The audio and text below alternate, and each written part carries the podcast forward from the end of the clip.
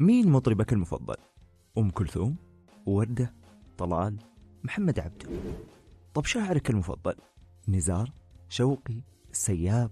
بدر بن عبد المحسن طب تتبنى فكر مين من الأدباء؟ القصيبي؟ الرافعي؟ طه حسين؟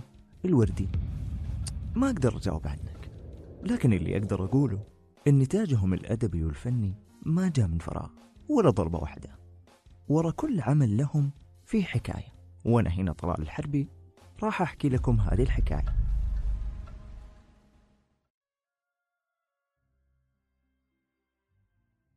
يمكن اعتبار أمير الشعراء أحمد شوقي أنه كان يعيش بنمط حياتي غير مألوف حسب ما تكلم ابنه حسين عنه. ومن النادر جدا أنها ترصد تفاصيل شاعر من الداخل.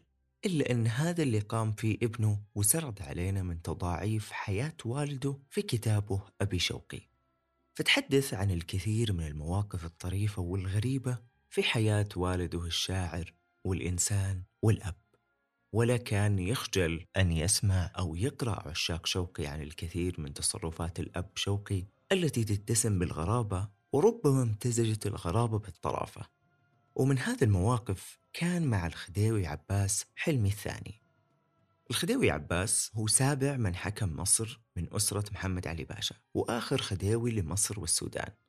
محمد علي باشا هو مؤسس الأسرة العلوية السلالة المصرية من أصول ألبانية اللي حكمت مصر والسودان بين عامي 1805 وحتى 1952 ومعنى خديوي هو الملك والوزير بالفارسية وهذا اللقب اختص فيه ولاة مصر العثمانية دون غيرهم من ولاة الدولة العثمانية. من عام 1866 وحتى عام 1914 المهم أحمد شوقي كان يخاف ركوب الجمال والخيول.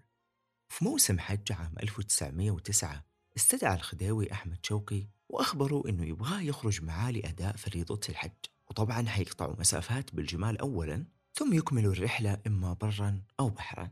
لكن شوقي تهرب بطريقة مضحكة يرويها لنا ابنه حسين في كتابه. ويقول أن أبوه وافق لما طلب منه الخديوي هذا الطلب. لكن لما وصل موكب الخديوي منطقة معينة في مصر اختفى شوقي بدأ الخديوي يبحث عنه لكنه لم يجده. هذاك الوقت شوقي هرب واختبأ في منزل أحد أصدقائه. ولما انتهى الخديوي من الحج ورجع من الحجاز طلب أحمد شوقي ولامه على ما فعله فاعتذر أحمد شوقي وقال له كل شيء إلا ركوب ظهر الجمال يا أفندينا بالمناسبة رحلة الخديوي للحج سجلت في كتاب الرحلة الحجازية. يصف فيها الرحالة والمؤرخ محمد لبيب هذه الرحلة واللي أهدى هذا الكتاب للخديوي عباس. نرجع لشوقي. شوقي كان شاعر البلاط حينها وعشان كان يعرف أن الخديوي بيزعل من تصرفه كتب له قصيدة طويلة قاصدا من وراءها المديح اعتذارا للخديوي بعد ما هرب من مصاحبته في رحلة الحج. واللي قال في مقدمتها إلى عرفات الله يا ابن محمد عليك سلام الله في عرفاتي. وضمنت القصيدة اعتذاره عن السفر اللي خيروا الخديوي حينها هل يكون بالبحر أم بالبر بقوله دعاني إليك الصالح ابن محمد فكان جوابي صالح الدعوات. وخيرني في سابح أو نجيبة إليك فلم أختر سوى العبرات. وقدمت أعذاري وذلي وخشيتي وجئت بضعفي شافعا وشكاتي. ويا رب هل تغني عن العبد حجة وفي العمر ما فيه من الهفوات؟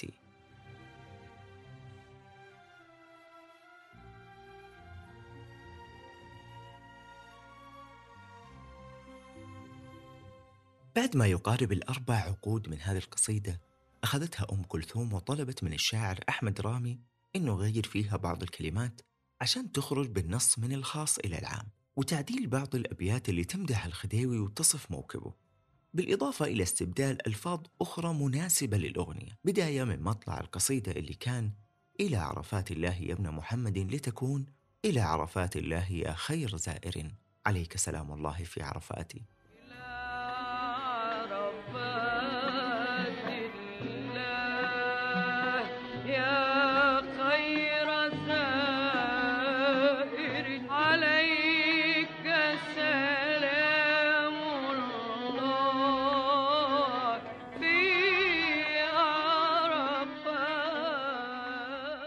وحتى يصلح نص الأغنية مناسب للحدث الإسلامي الهام بعيدا عن المديح تغيرت أيضا إذا زرت يا مولاي قبر محمد لتصبح.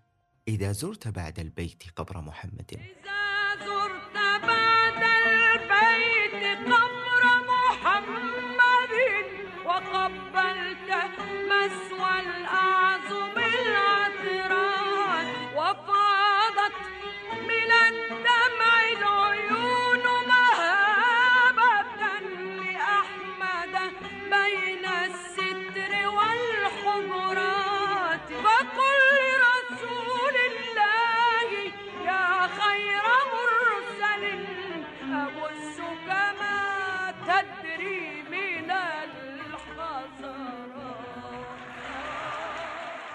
بعد كذا حذفت أم كلثوم كعادتها بعد الحفل الأول بعض الأبيات لتصبح الأغنية 22 بيت فقط لتحقق بعد ذلك نجاحا ضخما.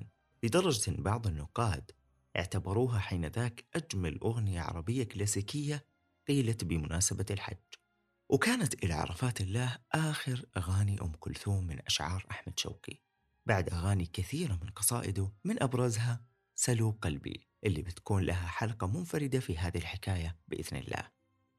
وفي الختام نقول لمن قصد بيت الله الحرام ملبيا لهذه الشريعة حج مبرور وسعي مشكور وذنب مغفور وتقبل الله طاعتكم.